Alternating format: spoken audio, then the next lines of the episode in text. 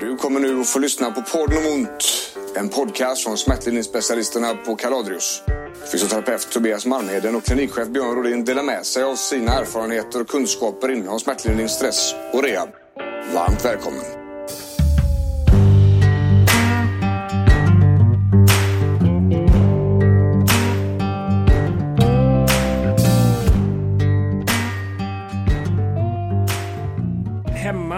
Hemma. Vi är hemma, eller jag är hemma. Ja, och vi är ju här. Ja. Och podden om ont igen, sa jag till dig. Yes. Det här är ju som ett ånglok som inte går att få stopp på. Ja, ja. Från klarhet till klarhet. Ja, från klarhet till klarhet. Så, tycker vi. Det var ju jävligt höga hästar vi satt på. Ja, Ja. redan Ja. proppad vid fotknölarna. Hur lång tid tog det liksom? En Knappt. sekund. Inte ens tio avsnitt och vi satt på de högsta hästarna. Men idag, vet ni vad vet du? Ska vi köra en ny serie här idag, ska börja med. Mm. Hållbart yrkesliv. Det är inte dumt. Nej, för vi jobbar ju mycket med rehab, vi gör smärta, stress och så vidare. Och, och vi ser ju det att ett hållbart yrkesliv handlar inte om att kunna prestera max på jobbet, utan det handlar till största delen om att ha energi kvar efter jobbet. Då har man ett hållbart yrkesliv. För att yrket ska ju kunna finansiera fritiden och livet som vi lever. Det är få utav oss som har fått ynnesten av att jobba med det som man älskar. Där fritiden och arbetet flyter ihop. Och det blir ett liv utav det istället. Det är väldigt få. Ja. Så. Och det är jag ju evigt tacksam för. Att det är så. Men vet ni vad? Idag, hållbart yrkesliv. Första gruppen ut är vårdpersonal. Viktig personal. Ja, hjältar. Ja, verkligen. allihopa. Och det är ju så här, när vi pratar om vården, det är ju ingen som är eh, naiv nog kanske att tro att vården har det bra. Vi vet, och ni som lyssnar vet, att utan vårdpersonalen så hade det här kollapsat för länge sedan. Och vi vet det. Alla vet det. Och eh, vi tänker så här, att vi får släppa den diskussionen nu. Vi kan inte gå in och diskutera de här stora systemfelen som finns inom sjukvården och sjukvårdspolitiken och så liknande med resurser och hit och dit. Det kan vi inte göra idag på det här avsnittet. Utan jag tänker så här, vi ska försöka hjälpa vårdpersonal till att ha kvar mer energi efter jobbet. Det är den fokusen vi ska ha idag.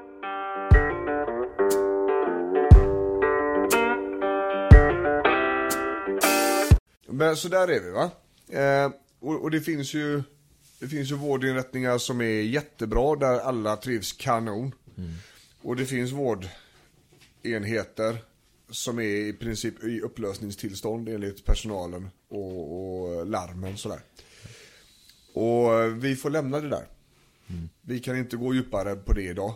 Men vi ska försöka hjälpa er som lyssnar att må bättre. Och ha mer kvar till livet efter jobbet. Så tänker vi. Och då tänker jag så här Tobbe. Energi.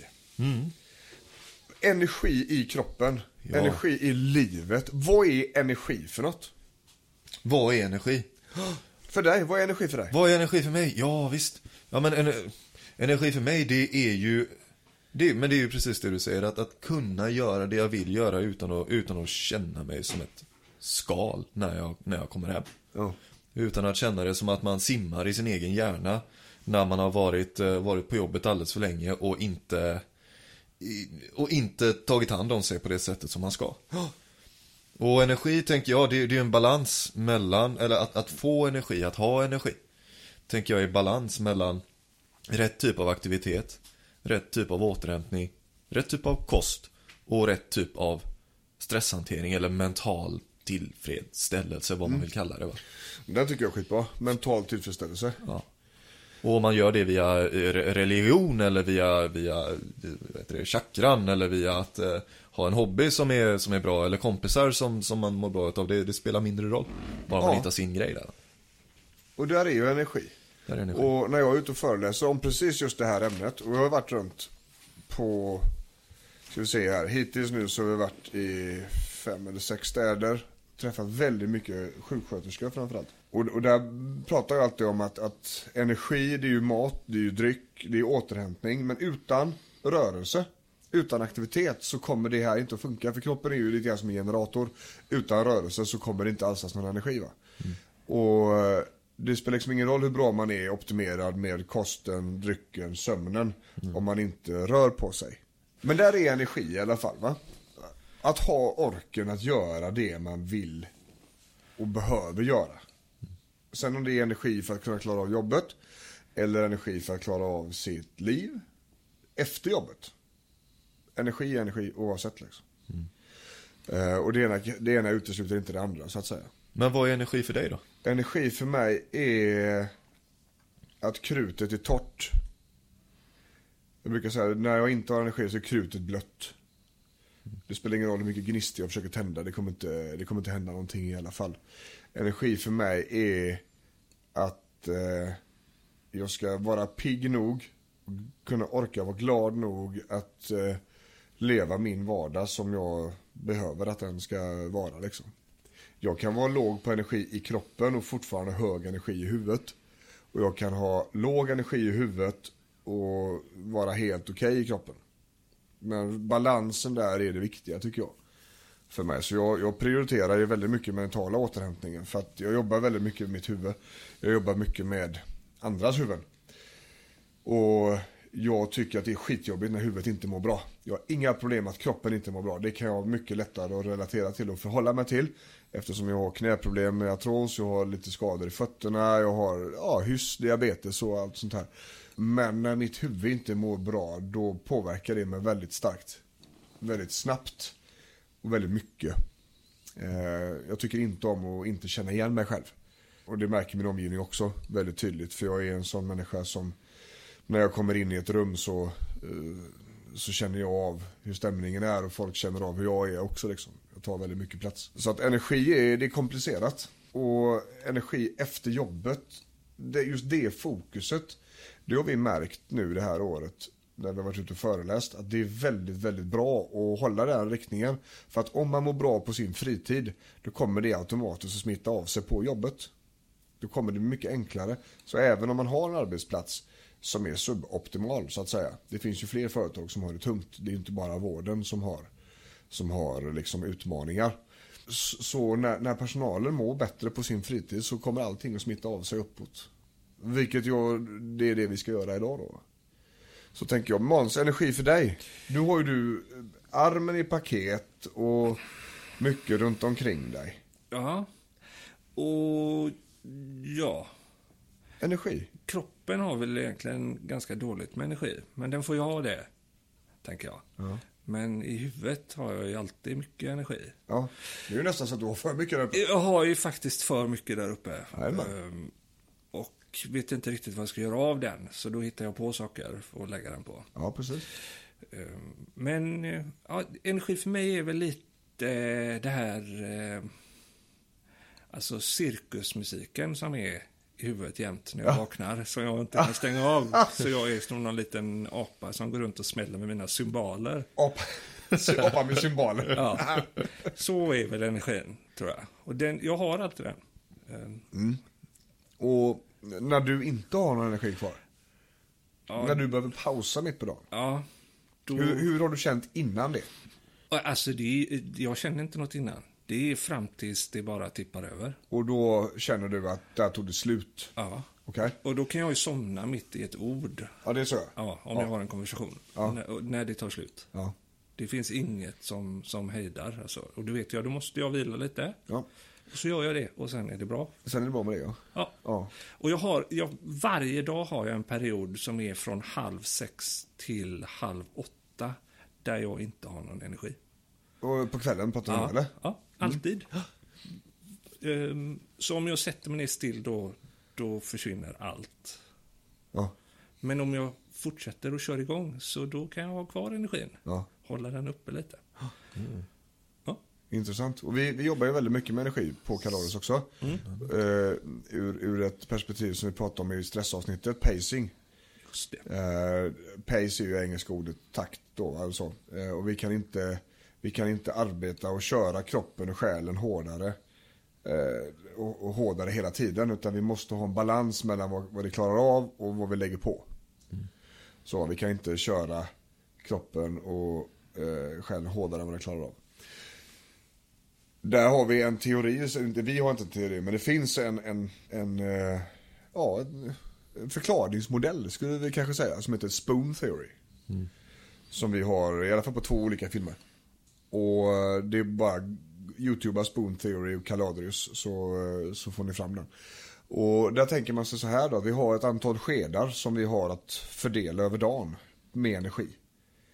Och morgonen tar ett antal skedar och, och tar sig till jobbet tar ett antal skedar och jobbet tar sina skedar. Sen tar hushållet och livet utanför jobbet tar sina skedar. Och för någon som är frisk och, och stark och, och sund och kry som inte har några problem med stress, som inte har några problem med smärta, som inte har några problem med, med saker som konsumerar mer energi än vad som är brukligt. Så fungerar det ganska bra. Men så fort det blir någon rubbning i detta så kommer det gå fler skedar till varje aktivitet. Morgonen kanske tar hälften av alla skedar. Och sen tar jobbet större delen av de skedarna som finns kvar och då har vi bara pyttelite skedar kvar till slutet på dagen. Och helt plötsligt så börjar det bli svårt. Helt plötsligt börjar livet bli komplicerat att orka med. Och för oss som inte har till exempel utmattningsproblematik eller, eller långvarig extrem smärta, då får man ju tillbaka energi. När man tar en kaffe, när man tar en powernap eller när man äter eller, eller så. Och det är ju, det är ju helt okej. Och, och vi, har även, vi får även bra energi när vi sover, så vi har fullt med samma skedar morgonen efter som vi hade dagen innan. Ja, precis. Men, men när det här blir påverkat, eller när det är någonting som, som låter energin läcka ut, så får vi problem. Och, och där tänker jag att vi ska börja, nämligen. Med just det här energi kvar efter jobbet. För prio ett i detta, det, det spelar ingen roll hur mycket energi vi har, hur bra vi har optimerat, hur duktiga vi är på alltihopa, om det läcker ut bakvägen. Det spelar ingen roll. Och, och jobbet är vad jobbet är.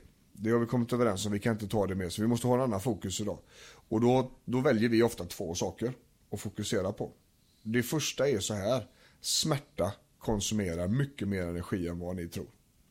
Det konsumerar jättestora mängder energi. Och det behövs inte mycket smärta för att det ska konsumera energi. Så att om man går runt och har lite huvudvärk hela tiden så kommer det bli en jobbigare dag för er. Och jobbigare liv för er. För att det tar mer energi. Än om ni inte hade haft huvudvärk. Därför är det ju rimligt att man tar hand om det. Att man inte går runt och håller käft och biter ihop. För det är inte bara att bara. Det, är liksom, det, det, det finns en konsekvens i att inte processa smärtbilden så att säga. Både ur eh, perspektivet som vi pratade om i smärtavsnittet nummer ett där. Att det blir värre med tid.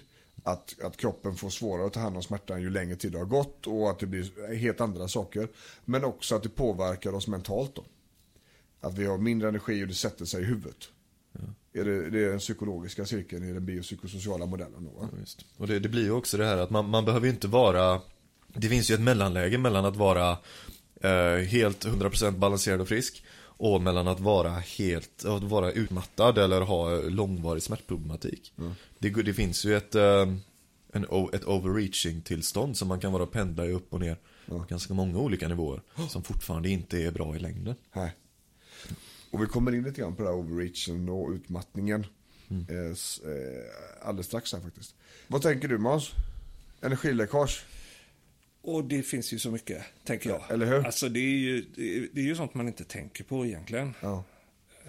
Och jag tänker så här också. När det, gäller, det är klart att eh, vi kan, inte, vi kan inte ha liv som inte tar energi. Nej, det är omöjligt. Det- Eller då får man ju bo i skogen Ja, jag, tror inte det, ja, jag tror att vi hade skapat oss energiläckage i alla fall. Säkert. I mångt och mycket va. Men vi måste ju ha marginaler att kunna ta hand om det. Vi måste ju ha marginaler för att kunna lägga mer energi i perioder där det behövs mer energi. Ja. Det är så. Det, det, vi som har barn till exempel. Ja, det kommer aldrig att vara eh, liksom bara glass och ballonger. Det Nej. kommer problem. Det liksom hänger med i grejen. Det kommer att vara någonting som händer i skolan. Det kommer att vara någonting som inte riktigt funkar här och där. Livet kommer, folk blir sjuka och så vidare och så vidare. Men om vi inte har marginaler i energin så kommer det bli svårt. Ja.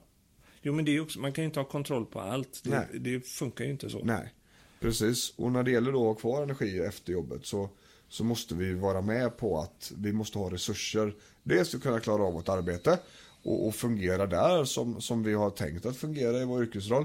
Men också då att det finns faktiskt resurser kvar tills vi kommer hem. För att om, om vi har energi kvar efter jobbet och allting konsumeras på hemmaplan sen så vi fortfarande är nollade. Då har man ju lite grann att göra där då.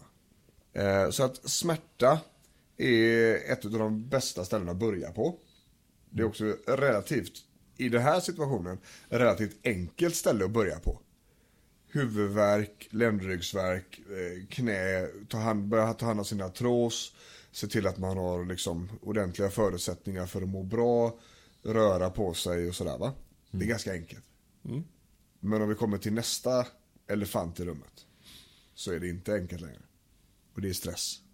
Nu blir det reklam!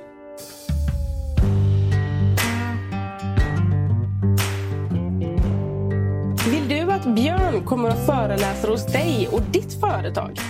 Maila till bokning kaladrius.se så hör vi av oss. Stress är ett beredskapssystem i kroppen. Ju högre beredskap man har, ju snabbare kommer larmet att gå, ju, ju högre kommer larmet att ljuda. Och larmet kan då vara smärta till exempel. Och det där är någonting man måste förhålla sig till. För att ju högre beredskap man har, ju mindre signaltryck behövs. Vilket innebär att man har väldigt hög stress, så behövs det väldigt lite för att kroppen ska larma om smärta. Det kan till och med vara så högt beredskapssystem att det inte ens är smärtsignaler som kommer utan signalerna som kommer från vävnaden tolkas som smärta. Det har blivit psykosomatiskt. Om man då har långa dagar med hög stress så behövs det ganska lite för att det ska göra ont. Därför tycker vi att smärtan måste tas om hand. Men vi måste också börja kontrollera smärtan. Eller kontrollera stressen. Tänker jag. Eh, jag tänker Tobbe, vi har ju två olika grejer där vi kollar när stressen börjar bli farlig. Och här var det, här kom det faktiskt jävligt fina verktyg i höstas nu. Som gick ut brett i media. Där man kunde göra någon form av formulärfyllning och så fick man en glad eller ledsen gubbe. Och de fick svara på antal frågor va? Jag har fått för mig att det var en holländsk studie som hade kollat på detta. Jag tror det. Ja, Är det något självskattnings... Ja. ja. precis. Vad var det för två grejer där?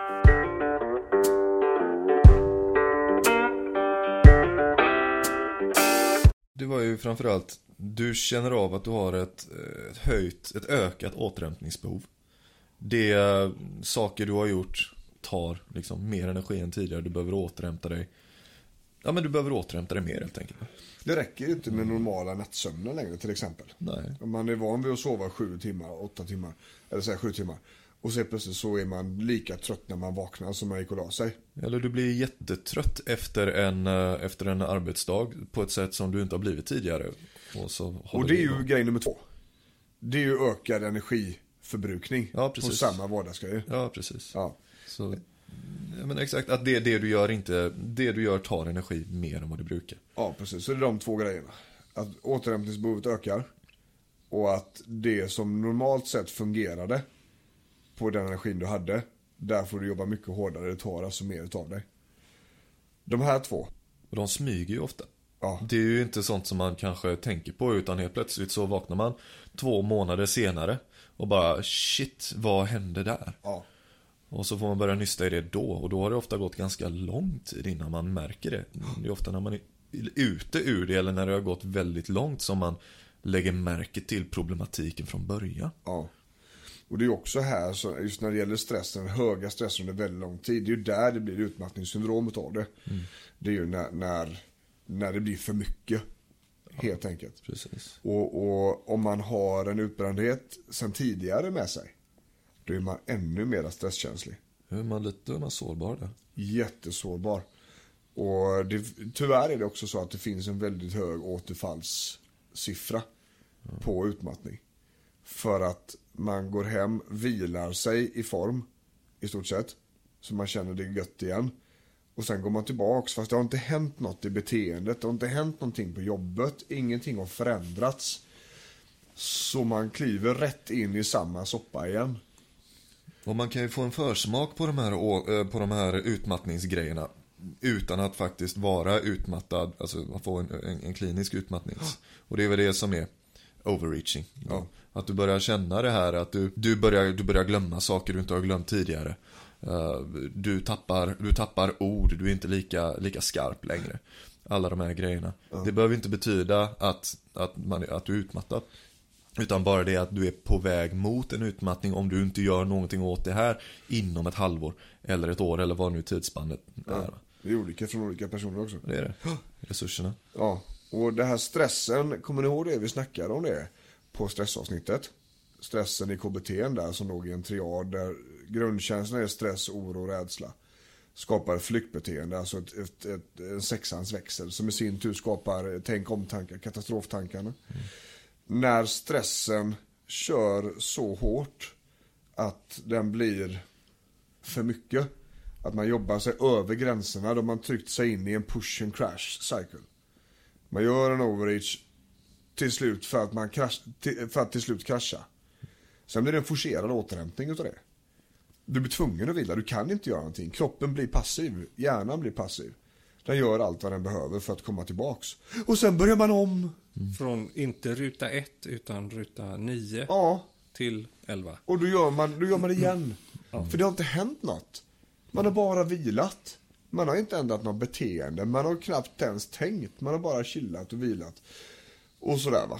Hoppas att det ska försvinna, väntat på att det ska bli bättre. Ja. Sen tror man att det är borta. Ja, precis. Och det där är ju liksom färdvägen till utbrändhet då. Det, så är det. Och det finns, just den här cykeln, push and crash. Push, crash, recovery. Den, det är liksom ingen som kan tala om hur många sådana varv du har i dig. Nu blir det reklam! Vill du komma i kontakt med Kaladius för en effektiv rehab och smärtlindring? Fyll i kontaktformuläret på www.kaladius.se så ringer vi upp dig. Och vad vi däremot kan se och vad vi vet är att om du har smält en gång innan så har du färre varv kvar. Du har ju färre varv för varje gång som det har hänt liksom. Tar återhämtningen längre och längre tid? Svårt att säga, beror på. Okej. Det beror på hur pass hårt du har kraschat. Ja. Det beror på hur pass hårt du har pushat dig. Ehm, sådär. Det är så många olika faktorer. Generellt sett så ju, ju mer utmattad du, du blir desto mer återhämtning behöver du. Så ju djupare i den här nedåtgående spiralen du hamnar desto längre återhämtning behöver du. Jag menar vårdpersonal är ju, är ju utsatta för det här redan från början för man har ju en, man har en, man har en otrolig stolthet för sitt arbete. Ja. Och, och man känner ju en otrolig eh, Empati för patienter. empati. Ja exakt. exakt. Lo- lojalitet för patienterna liksom. Så att man, man, man sliter på ett sätt som inte finns motsvarighet liksom i. Precis. Ja. Och, och det här driver oss faktiskt in på nästa punkt. Exakt. Och, och det har vi skrivit då som en high performer personlighet. Och vi har en teori. Nämligen. Får vi höra? Ja, och det här är egentligen min och Tobias resonemang bara framför en whiteboard. För att vi träffar så mycket sjukvårdspersonal och de allra flesta är samma personlighetstyper. Det är high performer tjejer som vi träffar. I stort sett uteslutande va. Och då tänker vi så här. Hur kommer det sig att det är den här personlighetstypen som är så högt representerad bland de vi träffar och de vi kommunicerar med i sociala medier, vilket är ganska många. Och jag tror att i, i år bara så har jag föreläst för sig 300-400 sjuksköterskor. Och allihopa har en igenkänningsprocent som är helt löjlig i det vi pratar om. Då, då tänker vi så här, kan det vara så att yrket i sig nu är att det är så pass hårt ansatt och, och så pass, ska vi säga, har så pass stora utmaningar att de som inte är high performer har bytt jobb.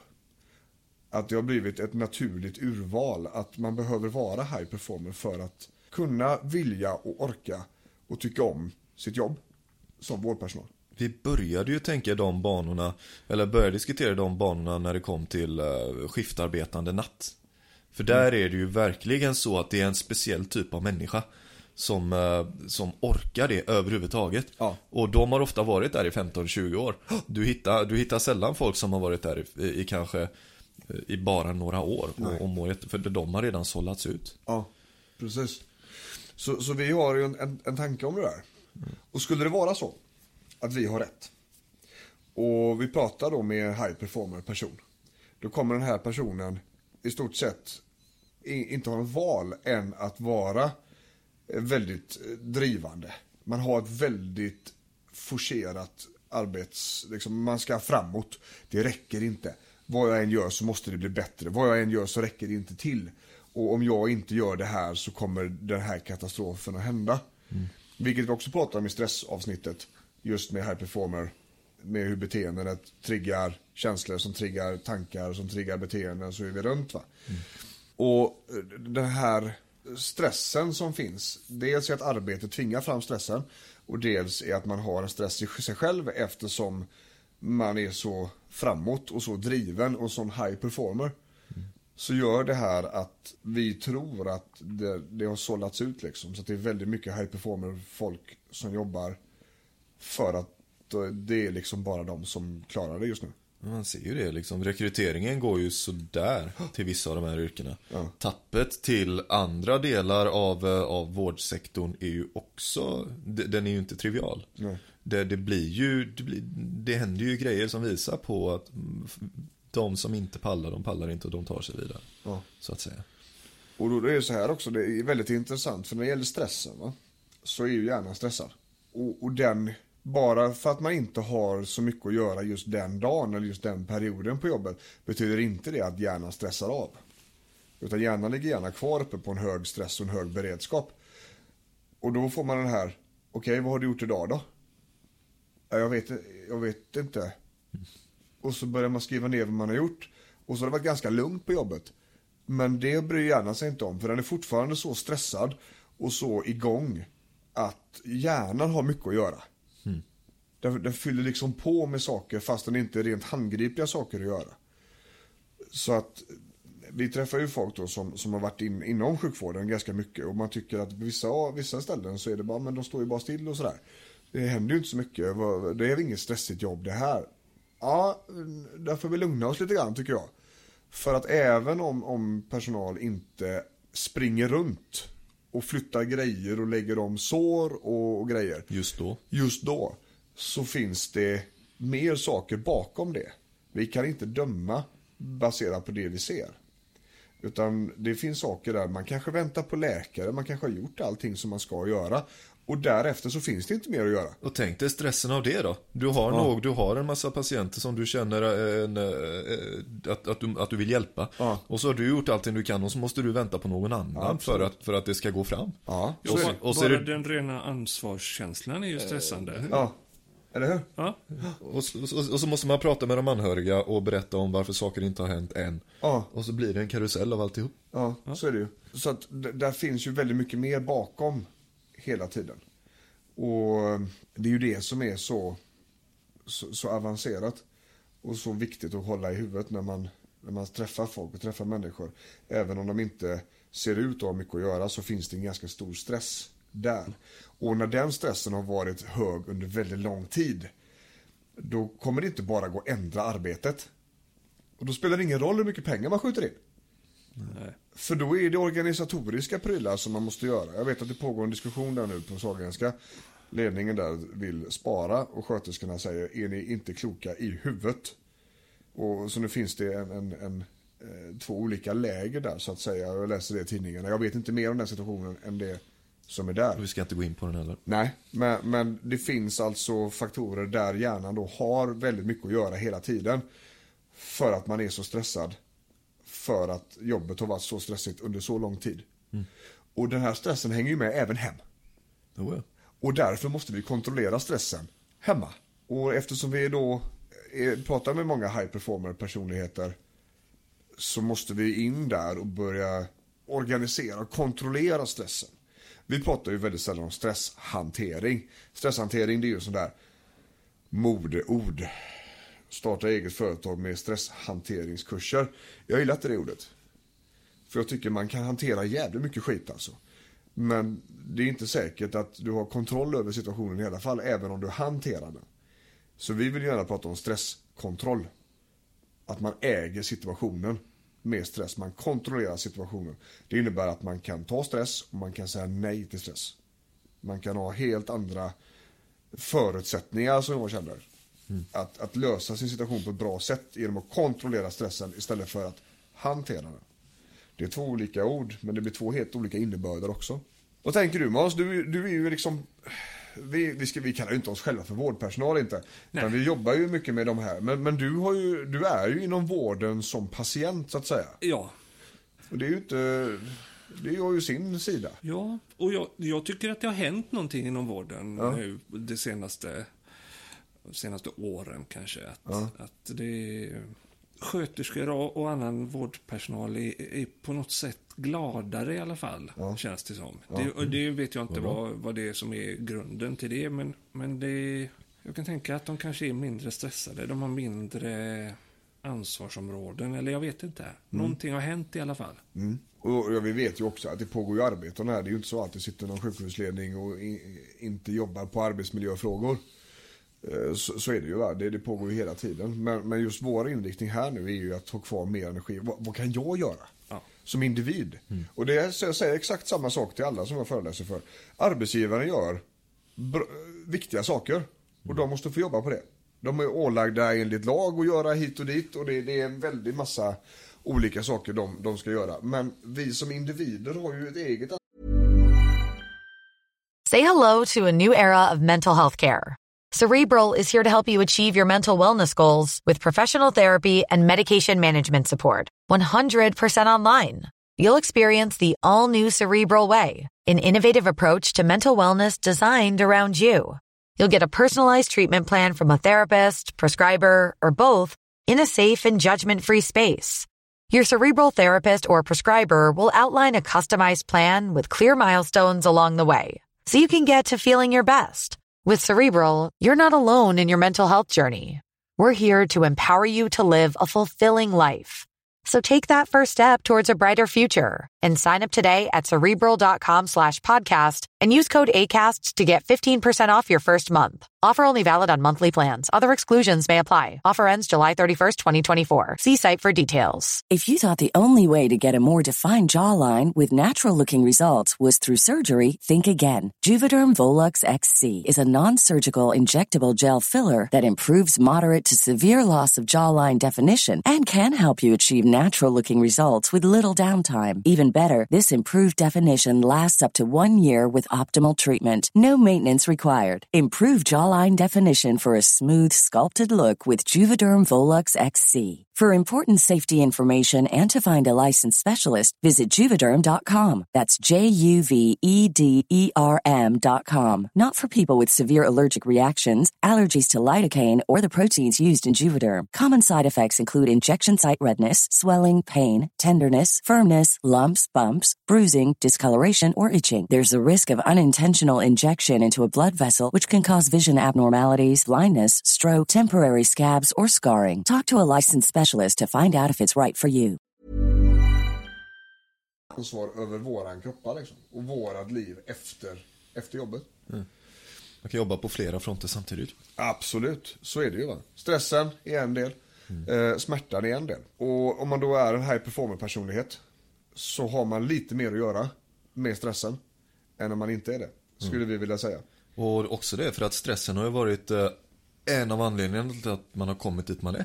Så är det. Det är väldigt sällan som man blir high performer utav de dåliga sakerna. Utan man var det ofta innan. Ja, och det har hjälpt i karriären. Man kan hålla många bollar i luften samtidigt. Man kan pressa sig igenom eh, jobbiga perioder och komma ut starkare på andra sidan. Det är ju först när den pressen gör att man inte kommer ut starkare på andra sidan som, som det blir någonting negativt. Men då har man å andra sidan jobbat på ett sätt i 20 år. Mm. Det är inte bara att knäppa med fingrarna och bryta det på tre månader. Nej, nej. Hjärnan kommer göra som hjärnan alltid har gjort liksom. Ja. Så är det Men hur löser vi det här då? Hur ska vi lösa det här?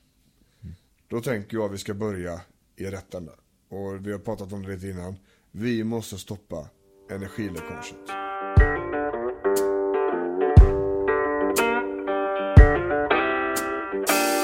Första ut. Smärtan. Yes. Ta hand om smärtan. Gå inte runt och håll käft och bit ihop. Det funkar inte. Det är ingen bra strategi. Det kommer bli värre och värre med tid. Ta hand om det. En fysioterapeut. Bra första steg. Bra första steg, ja. Så, och, och se till att få en ordentlig undersökning och få en ordentlig plan för hur du ska minska din smärta. Eh, precis så. Och gör som de säger. Ja. Gå inte bara dit, ta undersökningen och ignorera. professionens eh, Kunskaper ut, alltså. ja, kunskaper och rekommendationer. Ge det i alla fall en chans. Ja. De, de är experter på det här. Så är det. Sen träffar man ju, så att säga, det är olika bra människor i alla yrken. Ja, ja. Såklart. Va? Så är det. Så att först ut och ta hand om är smärta. Ja. För det går inte att vänta ut det. Nej. Det är väldigt få tillstånd som går över med passivitet. Så är det. Och speciellt då om man jobbar på de här besvären. Att man har besvären och ändå gör det som gör ont. Nummer två, som egentligen skulle kunna vara nummer ett. Det är ju stress. Ska vi inte ha två ettor då? Jo. Jag har ju gett med mig nu. Du har gett med det nu. För vi, vi snackade om det, att vi inte kunde ha två ettor. För det sa herr Asplund att det fick man inte ha. Nej, det får man egentligen inte. Men vi kan väl ha två tvåor då? För Ja. det får man ju ha. Ja, två tvåor. Alla får medalj. Två, ja. Alla ska med. 2,2. Ja. Ja, eh, stressen.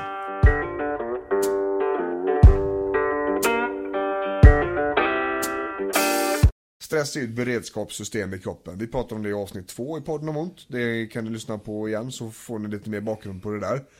Det spelar liksom eh, ingen roll hur mycket man optimerar och fixar och trixar med rehabövningar och sådana här saker.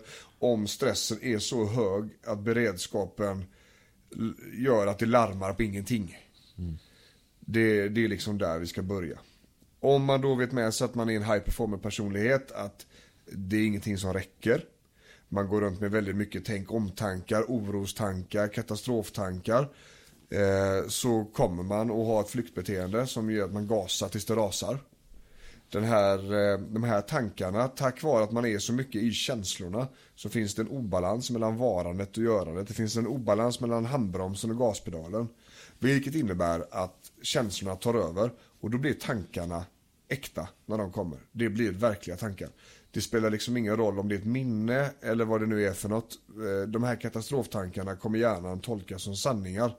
Så man går runt i en katastrof för att man känner så mycket. Man behöver slå på handbromsen där.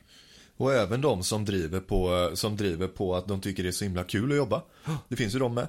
De som är high performers, inte för att de eh, springer ifrån någonting. Utan att de springer mot någonting. Och eh, de behöver ju också bromsa. De behöver bromsa sig själv. Så, liksom strukturera upp det de tycker är kul så att de kan fortsätta göra det de tycker är kul. Så är det. På andra sätt. För, för det, energin är inte oändlig Nej. hos någon. Eh, Jag har ju den. Eh, Jag går ju inte sönder i huvudet. Dels för att jag jobbar väldigt hårt på det och dels för att jag har aldrig gjort det. Liksom, så jag har inte de förutsättningarna. Men jag går ju sönder i kroppen istället. Så att jag behöver bromsa av den orsaken. Det, man behöver inte bli utbränd. Det handlar inte bara om det liksom med gaspedaler. Utan det finns andra konsekvenser också. Stress kan sabba system liksom. Be- En förhöjd beredskap under lång tid kan förstöra i kroppen som inte går att fixa. Ja. Det kan vara allt från hormonrubbningar till eh, ja, diabetes då till eh, Hjärt-kärlsjukdomar. hjärt-kärlsjukdomar, sådana här Alla de här saker. folkhälsoproblemen. Ja. Kroppen säger stopp eh, av sig själv. Ja, precis. Och då får vi ju nästa nivå utav problem då. Att man stressar så pass mycket att man behöver liksom adekvat sjukvård. Träffa läkare och specialister för att stressen har förstört grejer som du kanske måste ha medicin för och så vidare. Då, va? Så det är väl stress och smärta. Det, det är liksom stoppa energiläckaget. Men också i, i det sociala. Vi är väldigt måna om att man fortsätter och, och, har, tar hand om sitt sociala umgänge. Att man inte isolerar sig bara för att man eh, är trött och så vidare. Utan man ska försöka att vara, alltså stoppa energiläckaget genom att man faktiskt är med fortfarande fastän det är jobbigt. Eller fastän det är trött liksom. Lite. Ja, alltså det räcker. ibland. För att problemet är ju så här, vi pratar om den biopsykosociala cirkeln, så alla cirklar är värda lika mycket. Men den sociala cirkeln är den man tar väck först. Man orkar inte träffa folk. Och det är det man pratar om minst också upplever jag. Ja, absolut, för den är lite mer tabu. Och kanske också för att det, det är väl där man tror att det psykologiska ligger. lite så. Ja. Psyk, att man buntar ihop den Eh. Ja. psykosociala i en och samma. Ja, ja precis. Så det är egentligen, man tror att det är två cirklar, fast det är det inte. Utan det sociala sammanhanget tar man ofta bort när man är trött eller inte har energi. Medan i själva verket så är det viktigt att vara där för människan, alltså institutionen människan behöver ha en social eh, samvaro och en, en, en social plats. Vi är sociala djur. Ja, vi måste interagera med andra liksom, för att må så bra som det går. Eh, nu har ju alla olika behov. Det finns ju de som, som tycker att det är skönt att vara ensamma och att jobbet kanske är det är tillräckligt mycket kontakt där med människor för att jag ska palla. Men då kommer vi in på det lite grann när det gäller lösningen sen. För, för då kommer vi ju att kolla på hur, hur ska vi fungera. Vad är det vi ska göra för att fungera som bäst i det mentala liksom. Så där har vi läckaget Måns. Känns det rimligt eller? Ja, men det gör det väl. Det känns väl eh, som vi alla har lite läckage ändå. Ja, jo, oh ja. Definitivt så. Och vi pratar ju om att försöka kontrollera stressen och så vidare. Ja, och, och då kommer ju den naturliga följdfrågan. Men om det är jobbet då? Ja, Ja, men om det är jobbet då? Det är ju en diskussion som man får föra. Eh, är det värt det? Är det inte värt det? Det är, ju, det är ju ett beslut man får ta som en vuxen människa med den kunskapen och känslan som man har. ja alltså man har ju faktiskt ett eget ansvar där. Ja, lite så är det också. Ja. Eh, Det är klart att man, man tagit ett yrke och vill jobba med det så är det det man vill göra. Men om man gör allt det här och landar i, i att Det inte funkar. det inte funkar så funkar det inte. Nej. Och där får vi vara lite raka tycker jag. Vi ska inte fega ut och säga det liksom. Känner man att det inte funkar så funkar det inte. Och det handlar ju inte om att, om att säga upp sig imorgon.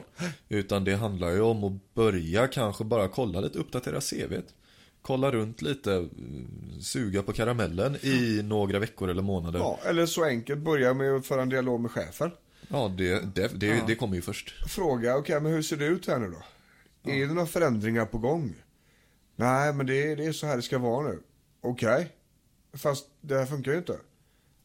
"Eh, Nej, men det är så här det ska vara nu. Okej. Då vet jag det. Då får man ju ta den informationen och göra vad man behöver göra med den. Och det är ju den sociala cirkeln också. Absolut så. Chefen, stödet på arbetsplatsen. Hela, Hela, hela den biten ja. Eh, och, och där är vi ju jävligt tuffa på Kalodius. Ja. Vi har många sådana diskussioner. Okej, men Britt-Marie, nu har du pratat om ditt jobb här i fyra veckors tid och jag hör ju hur det här äter upp dig inifrån. Varför är du kvar där? Eh, Okej, det finns inga andra jobb eller? Jo, kanske. Har du kollat? Nej. Okej. Men det är nog för att för, alltså, folk vill inte göra förändringar Nej. av någon anledning. Man väljer trygghet framför frihet liksom. Det, Ja. det, och det, är- det är ju såklart, vi är sådana människor. Och det är också när hjärnan har vant sig, vant sig att vara på ett ställe. Miljön är känd, situationen är känd, så vill man ju gärna fortsätta med det. Det är ju så vi är som djur liksom.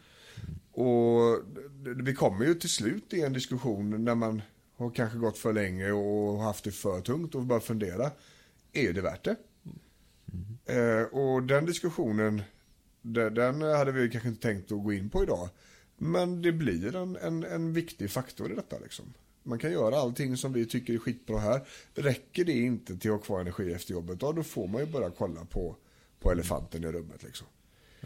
Så är det. Ja, visst. Det är lite krasst, men det är ju så det är. Ja, Bara. absolut. Men om vi då ska, om vi ska kötta oss vidare. Jag tänker så här, nu har vi ju pratat om hur det kan vara och, och liksom vårdpersonal. Det finns en hel del utmaningar och vi ska stoppa energiläckage och vi kollar vad energi är för något. Vi börjar med smärta och ta stressen och sådär. Men jag tänker så här, nästa steg är ju verktyg. Hur ska vi göra då? Vad är det för verktyg som vi på Kaladius känner är vettiga att börja med? Nu blir det reklam!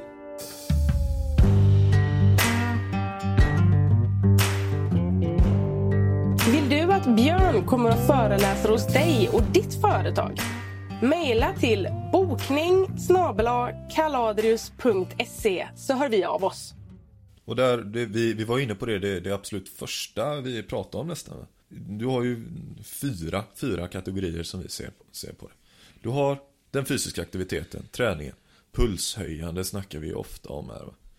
Eh, sen så har du kosten. Se till så att du har en, alltså energi från maten att, att orka. Den eh, rena vilan, återhämtningen. Så att du inte bara kör på hela tiden. Och den mentala aspekten. Se till att du stressar mindre och, och gör någonting som du tycker är, är, är värt. Och eh, är man religiös så använder man den biten och, och, och är man inte det så hittar man någonting annat. Så om vi ska börja, vi ska ta en, en sak i taget där tänker jag. Jajamän. Om vi börjar med träningen då. Då är det så här, när man är jättetrött så är ju inte träning det första man tänker på va? Det kan dock vara så att träning gör det piggare. Och vi behöver röra på oss. Så vi tänker så här.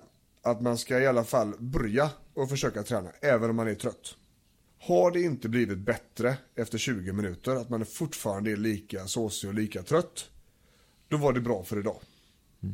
Men de här första 20 minuterna, där får man faktiskt ta och, och bita ihop lite grann i trötthetens perspektiv i alla fall. Och försöka komma över den tröskeln, för det är mycket möjligt att det släpper och då är det bra. Och samma sak också över tid. Ja. Om man tar de här 20 minuterna, säg tre gånger i veckan till en början med och inte märker en förändring på två veckor. Det kräver lite längre tid än så. Det kräver några månaders arbete för att man ska få de här positiva hälsoeffekterna över tid. Mm. Sen ska vi också säga så här, 20 minuter tre gånger i veckan ain't gonna do the trick. Nej. Det kommer vara alldeles, alldeles för lite. Utan vi pratar ju kanske, när vi är uppe på de nivåerna vi vill vara, så vill kroppen kanske röra på sig en timme om dagen. I det mest optimala. Ja, ja precis. Så vi behöver röra ganska mycket på oss som människor. Sen har vi diskussionen, eh, okej men om man har gått och sprungit runt och stått på kanske operation hela dagen. Eller så här, jag har rört mig ganska mycket i mitt arbete, flyttat patienter hit och dit och sådär. Ska jag också gå och träna då? Ja, Ja, jag menar din kroppen anpassar ju sig så din vardagsrörelse är, ju- är ju bra säkert. Men du behöver ju den pulshöjande grejen ett antal gånger i veckan utöver ren vardagsrörelse. För att få och, effekten. och sannolikt också styrketräning. Ja, alla- det är, ju, det är ju sekundärt men det, det kommer ju där någonstans efteråt. Ja, de allra flesta kommer ju behöva ha styrketräning för att kroppen ska vara stark och orka. Eh, Sedan använder vi konditionen för att orka göra det under lång tid. Och att hjärnan ska orka hålla koncentrationen över lång tid. Sådär va. Och, Så, ren, så ren energi, eh, konditionsträning. Ja. Sen kommer styrketräning vara ja, viktigt absolut. också. Så är det. Eh, Man kan säga så här när det gäller stresshanteringen då, stresskontrollen. Så vill vi ju ha konditionsträning. Det är ju optimal träning för just den typen. För det kommer att stärka massor av olika förmågor. Vi kommer kunna syresätta bättre. Vilket innebär att hjärnan kommer få mer bränsle. Vi kommer kunna orka hålla igång koncentrationen längre. Vi kommer att kunna ha större motståndskraft mot stress och så vidare. Och då får man hitta sin väg. När det gäller utmattning till exempel så vill vi ju ha en ganska lågintensiv konditionsträning fast under längre tid. Vi vill ju syresätta hjärnan ganska länge. Eh, Och där ska man då inte köra hastiga intervaller till exempel. Där man kör väldigt hårt, kanske 10-15 sekunder för att vila i 10-15 sekunder. Alltså där man har både aktivitet och vila i samma, eh, i samma tillfälle. Nej, där kan man istället jobba sig upp till 45 minuter kanske. Ja, precis. Så att där ser man ju, det är fördelaktigt att, att syresätta hjärnan under lång tid. Eh, och när det gäller eh, eh, behandling mot depression och så vidare så ser man ju det att det är väldigt effektivt med eh, motion. Eh, och, och där det ställs mot att eh, medicinering mot medelsvår depression Ja. och mm, kontra träning så är det ungefär likvärdigt då. Mm. Fast utan biverkningar då. Ja, bra biverkningar istället. Ja, precis. Sen kosten är ju, om, kosten är ju, det är ju en skitstorm så fort man pratar om kost. Ja, Med, med folk för att du har så extremt polariserade åsikter i olika läger. Jajamän. Och det är därför vi ska ha med oss Anders eh, här på ett avsnitt som kommer framöver. Eh, Anders, våran kollega på Kaladius, har även en kandidatexamen i nutrition då. Inte för att det kommer stoppa skitstormen men då har vi i alla fall en väldigt fin... vetenskapen. eh, Ja, Men Kaladius, när vi pratar om kost så pratar vi uteslutande egentligen om att vi ska ha äta så pass mycket att vi har energi till att klara vardagen. Och välja bra mat. Alltså undvika skitmaten som vi vet vad den är för något. Det behöver vi inte informera folk om. Så länge man gör det, så länge man äter okej och ganska mycket och undviker skräpet. Då är vi rätt nöjda där. ja. För att om vi inte får någon energi via kost, kosten och drycken så kommer vi heller inte att kunna ha någon energi kvar efter jobbet. Och det är där vi landar. ja. Eh, inga dieter, inget snack om gluten, inget snack om laktos, ingenting sånt pratar vi om. Utan det som funkar för dig, det är bra. Så, känns det bra så är det bra. Fortsätt. ja men Ja, precis. men vi får oftare gå in och hjälpa människor att äta ordentligt. Alltså tillräckligt mycket mat. När vi kollar av kost och sånt så finns det alldeles för lite. I många fall. Man äter inte tillräckligt för att orka, orka hålla emot liksom. Eller att folk har hört att någonting är bra Mm. och så följer de det, men det funkar inte för dem. Nej, Det, och då får man ju också se att okej, men om du äter mer balanserat åt det här hållet så kanske det blir bättre. Ja. Testar man det, så funkar det. funkar det för det här så funkar det liksom. Ehm, och när det gäller dieter och sånt så de fra- framförallt, de allra flesta dieterna, slutmålet är samma sak. Oavsett, alltså di- diet kommer, eller diet kommer från engelska ordet diet och det betyder ju mer kosthållning. Inte diet i viktnedgång som vi pratar om. Eh, och i stort sett allihopa landar i en kaloriminskning. That's it. Alltså om man ska ner i vikt. Om man ska ner i vikt. Ja, såklart. Ja. Men det, ja. Och, och kaloribalans såklart om man ska få energi och liksom hålla Men vi ska inte gå in mer på det. Men eh, för att kunna få energi kvar efter jobbet så måste vi faktiskt äta. Vi måste äta. Äta. Ja, och inte vara rädd för Nej, mat. precis. Nej, okej, ja. Eh, Så just... ja, Alltså, Vi byter, vi, vi tar, nu, nu tar vi du? återhämtning. ja, jag, nej, jag bara känner så här, det är ju helt självklart, det är ju inte något snack egentligen, utan man måste äta. Och Ja. punkt. Det var inte något mer där. nej. Nej. Det var så enkelt faktiskt. Ja, ja, Det Ja. kan ju man förstå. ja.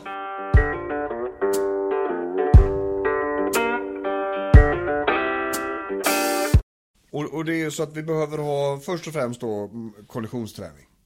Och sedan så för att kunna stoppa smärtabilden och, och om vi har tagit hand om den så kommer vi behöva styrketräning också. Så småningom. För att orka. Därav eh, går vi vidare till stresskontrollen. Där behöver vi då få en, eh, en överblick över hur det ser ut i vardagen. Vi behöver veta vad det är som konsumerar våra skedar i Spoon Theory. För att väldigt många vet inte det. Väldigt många har ingen aning om varför energin tar slut. Och många tror att de vilar när de inte gör det. Jajamän. Och det är ju den goda grejen då va. Att man, när man ligger och vilar fast man vilar inte. Man ligger egentligen bara och väntar. Vilar du? Nej jag väntar. Vadå? Ja, på att det ska gå en timme. Ja men då ska du vila. Ja men det hinner jag inte. Ligger och planerar saker i alla fall. Ligger och planerar saker. Och då är vi inne på den här mentala aktiviteten. Vikten av mental träning egentligen. Och, och som Tobbe uttryckte det så bra det här med vad är energi? Ja men det ska vara den mentala tillfredsställelsen. Jag ska vara, jag ska må bra i huvudet. Jag ska, ha, jag, ska, jag ska vara bekväm i huvudet. Och då är det så här. Ur ett high performer perspektiv nu. Om vi ska kunna återhämta oss och vila.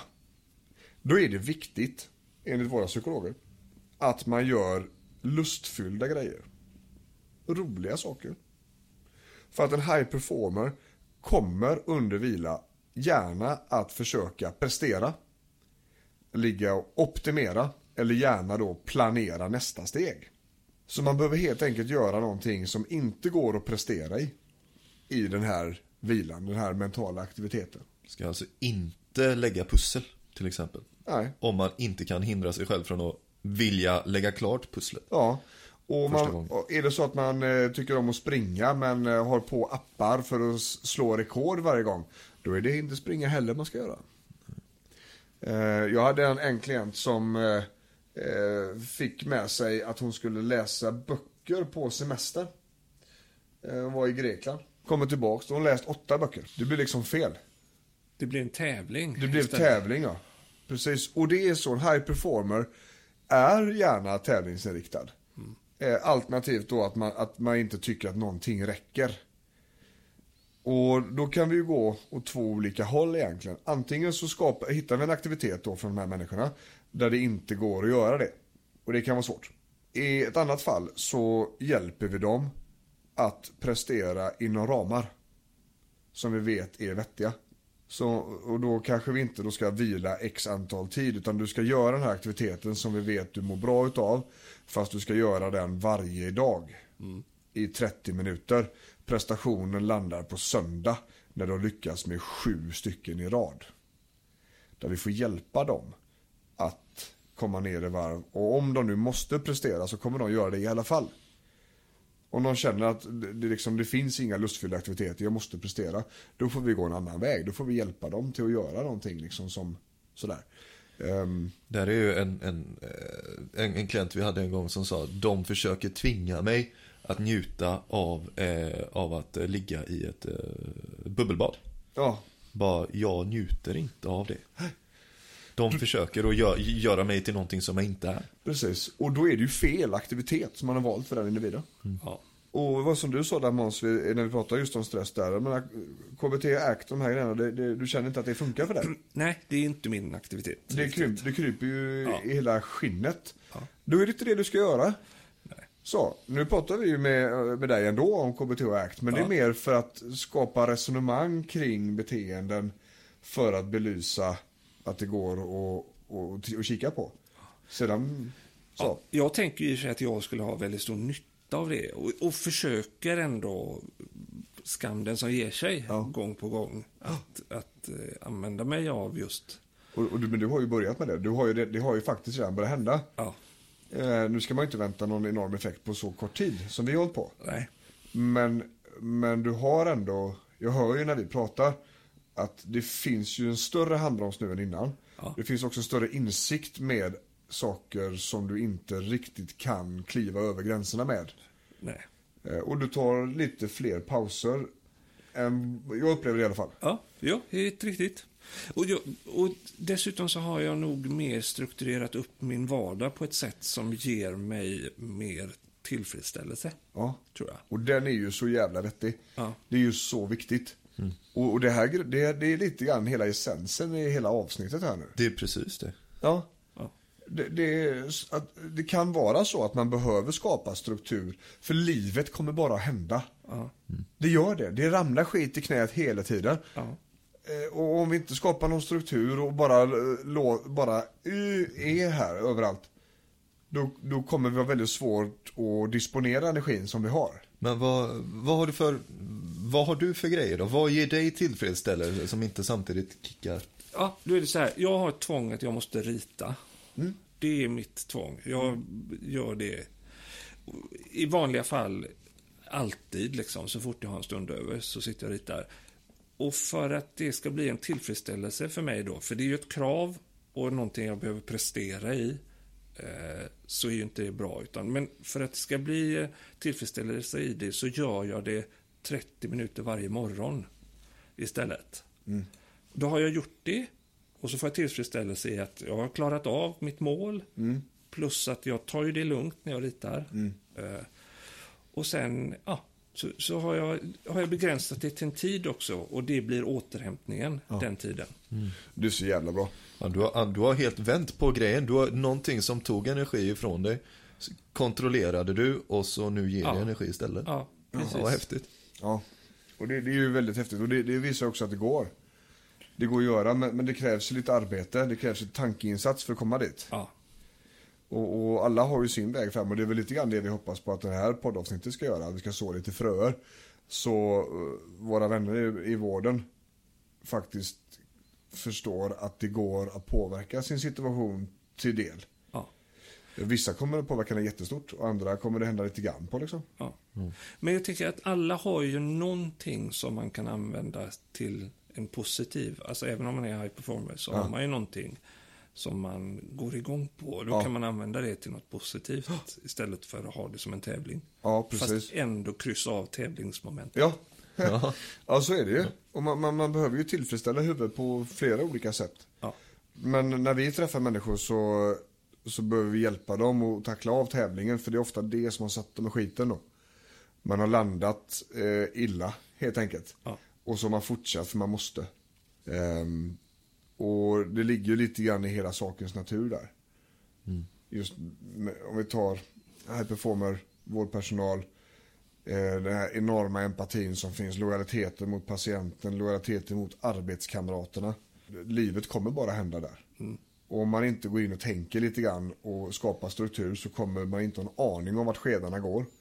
Och så står man där i slutet på dagen och har man ingenting kvar fast man behöver ha ett par till. Och då lånar man på morgondagen istället. Om man har otur och sover dåligt också. Då är det jävligt tomt på skedar dagen efter. Ja. Och, och den är lite lurig, den får man vara försiktig med va? Det, Det, det är går- som, som du sa i början där också, att man behöver skapa sig en buffert. Så att man inte bara ligger, det är mycket möjligt att du kan balansera de där sju bollarna i luften om allting fungerar precis som det ska runt omkring. Men den dagen det inte gör det längre, då har du ingen reserv att ta utav. Nej, nej, nej. Eh, och, och det är ju så. Och, och har man dessutom då utmaningen med skiftarbetet. Ja. Där det faktiskt är olika hur man, hur man fungerar på natten och på dagen. Alltifrån kosten till, till hur, hur kroppen fungerar när den är vaken, när den egentligen ska sova. Eh, Då blir det ännu viktigare än man tänker igenom sådär. Ja. Men om vi ska dra ihop säcken på det här avsnittet. Så för att kunna ha kvar energi efter jobbet så tänker vi så här. Att vi börjar med att, om man har ont någonstans så behöver vi ta hand om det. Om vi känner att vi är stressade av olika orsaker så behöver vi ta hand om det. Vi behöver också skapa energi genom rörelse. Det är träning. Helst konditionsträning först och främst. Och det är för stresskontrollen. Styrketräningen, gärna också. Det, där handlar det om eh, för att hålla kroppen stark och, och smidig. Och därmed också kanske motverka en del smärta. Vi pratar om eh, vikten av eh, kost. Vi behöver äta. Vi, det är väldigt sällan en bra idé att banta och vara stressad och jobba hårt och ha ont på samma gång.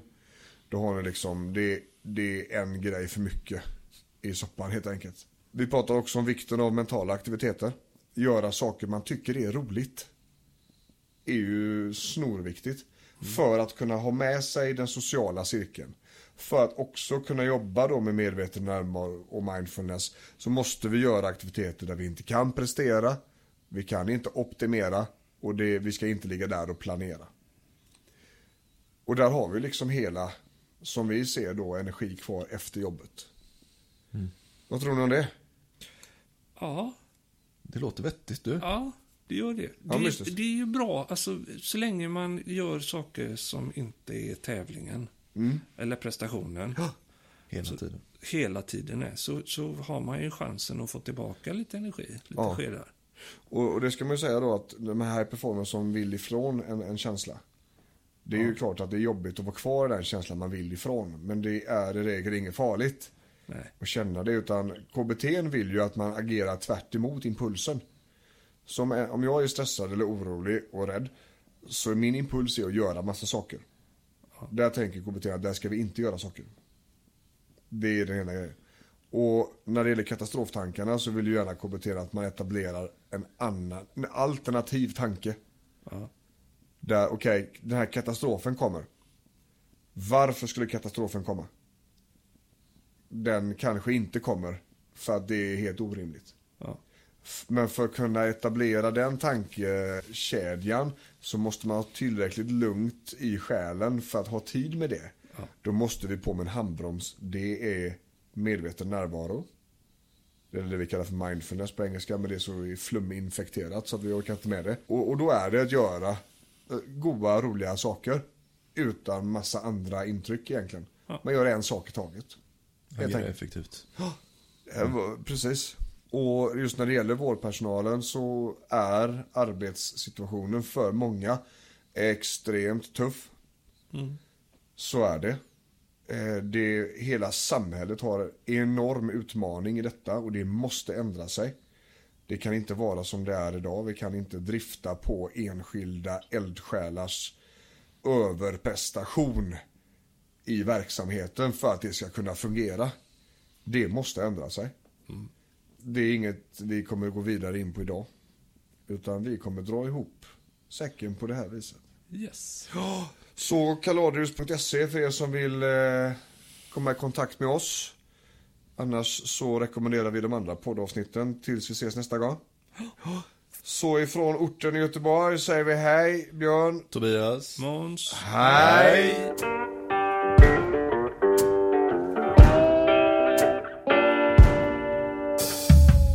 Du har lyssnat på podden om ont. En podcast om smärtlindring, smärta och stress från Kaladrius med Björn Rodin och Tobias Malmheden. Podcasten produceras av Måns Asplund och ansvarig utgivare är Björn Rodin.